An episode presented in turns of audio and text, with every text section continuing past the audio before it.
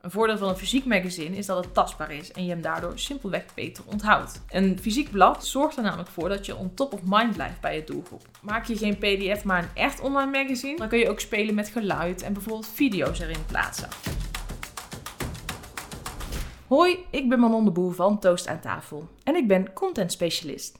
Dat betekent dat ik wijnmakers en wijnprofessionals help bij het neerzetten van een sterk merk. Via mijn blog en podcast deel ik mijn kennis en tips over content en het vertellen van jouw wijnverhaal. En vandaag wil ik het met je hebben over het maken van een tijdschrift. Droom jij er nou van om een eh, eigen magazine te hebben? Een tijdschrift te maken ter ere van een jubileum of van een nieuwe wijn? Of wil jij bijvoorbeeld juist meer bewustzijn creëren rondom jouw merk of een specifiek wijnonderwerp? Nou, dan is de tijds een tijdschrift de uitgelezen kans. Ik heb de afgelopen tijd uh, mogen meewerken, alweer voor de vierde keer, aan een magazine Leef met Dementie. En nou, zoals de naam al doet vermoeden, dan gaat dat niet over wijn, maar over dementie. Toch heeft dat onderwerp eh, veel overeenkomsten met de wijnwereld, want het draait om pure verhalen die raken. De echte en vooral ook de relevante verhalen binnen een onderwerp.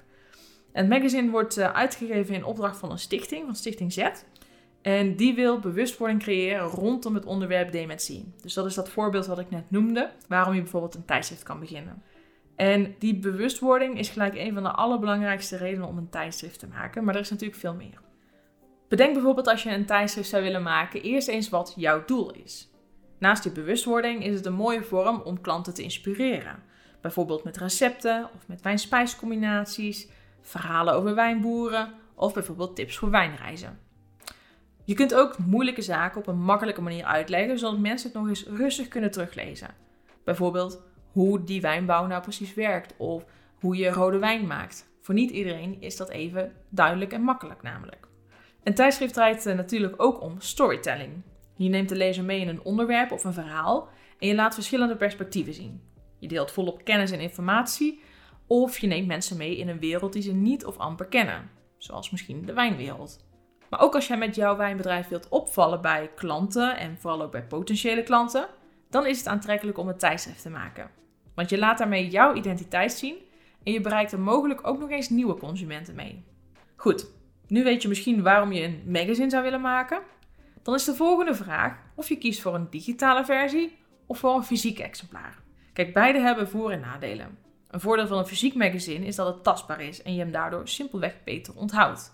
Een fysiek blad dat op de keukentafel ligt zorgt er namelijk voor dat je on top of mind blijft bij je doelgroep. Dat legt uh, Imke Vrijters mij uit. Zij is uh, fotograaf en vormgeefster van uh, Leef met Dementie. En zij vertelt dat je voor een online magazine veel meer moeite moet doen. Vaak belandt dat namelijk in de mailbox van een lezer. Die klikt hem weg voor de time being. En daarna denkt hij er eigenlijk niet meer aan. Een fysiek tijdschrift heeft, heeft bovendien ook een chicere en professionelere uitstraling. Want je kiest zelf de kwaliteit van het papier, wat weer invloed heeft op de uitstraling. Nou, zie het als een extra visitekaartje of een cadeau, legt Imke mij uit. Ze vertelt dat je hem niet alleen onder je klanten moet verspreiden, maar bijvoorbeeld ook binnen je bedrijf. Bij de wijnbar of bij de entree van je kelder bijvoorbeeld. Nou, tegenover dat fysieke magazine staat dat een online magazine veel goedkoper is om te maken. Met name omdat je geen drukkosten hebt. Daarbij zijn er ook meer mogelijkheden qua interactie.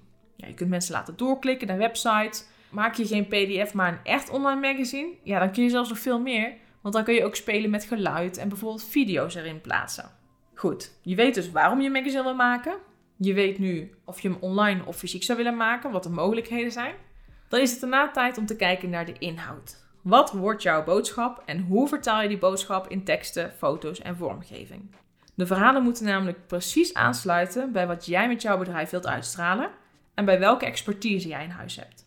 Breng verhalen die mensen informeren, inspireren en raken. Zorg voor emoties en neem mensen ook mee in het verhaal achter jouw bedrijf. Dat is natuurlijk de inhoud, maar niet alleen de inhoud, ook de vormgeving speelt een enorme rol. En als je het aan Imke vraagt, is die zelfs belangrijker dan de boodschap. Want, zo zegt ze, als de boodschap mooi verpakt is, zijn mensen eerder bereid om te kijken naar de inhoud. Als voorbeeld noemt ze bijvoorbeeld de smartphone, waarbij je nog geen seconde de tijd hebt om de aandacht van je lezer te grijpen. Is een opmaak ouderwets, of onduidelijk of onvolledig, ja, dan moet de lezer echt zijn best doen om de boodschap achter het verhaal te snappen. En met een goede vormgeving, dan trek je juist iemand het verhaal in. Dus, conclusie, werk samen met een goede vormgeving. Want, zo schetst Imke mij, Een vormgever is misschien één uur bezig met de opmaak van een pagina, terwijl je er zelf dagen, ja, misschien zelfs wel weken mee zoet bent. En een vormgever die heeft bovendien verstand van marges, van drukspecificaties, van kleurgebruik.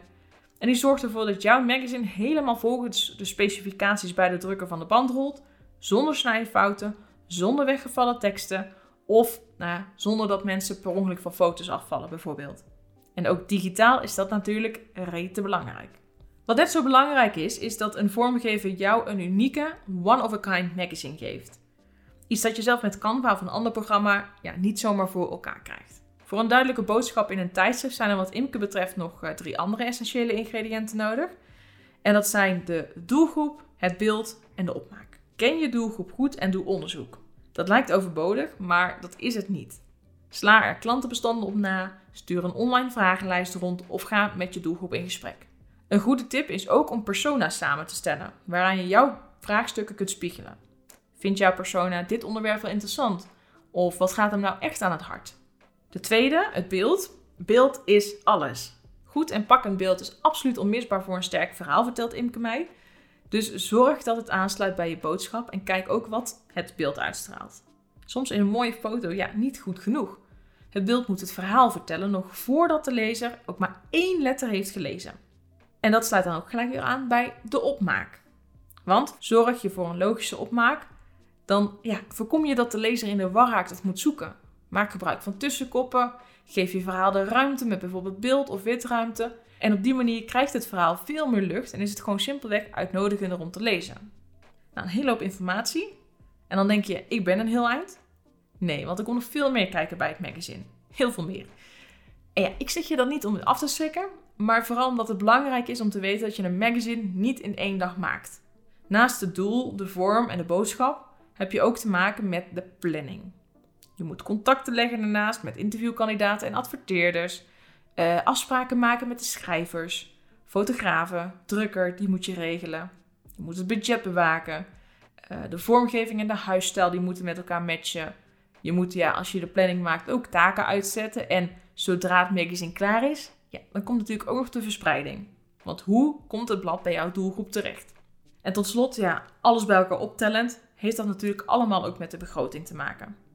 De keuzes die je maakt, die zijn afhankelijk van je begroting en je begroting wellicht ook van je keuzes. Wat wil je ervoor vrijmaken aan bedrag? Nou, in het geval van Leef met Dementie is gekozen voor een uh, fysiek magazine van A4-formaat. Dat bestaat uit 52 pagina's.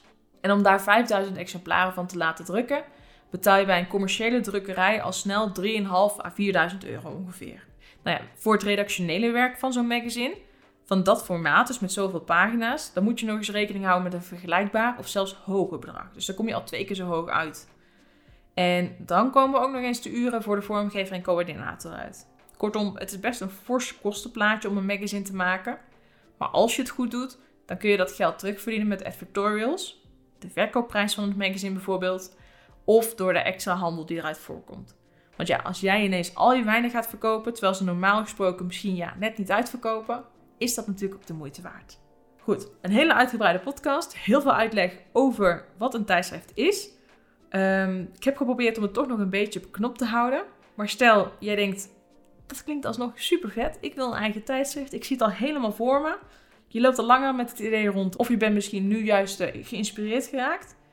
Neem dan even contact met me op uh, via manon-toastantafel.nl En dan denk ik graag met je mee hoe we dat tijdschrift ook daadwerkelijk op tafel kunnen brengen. Zodat jij straks met trots naar jouw eigen magazine kan kijken. Ik hoor het graag van je.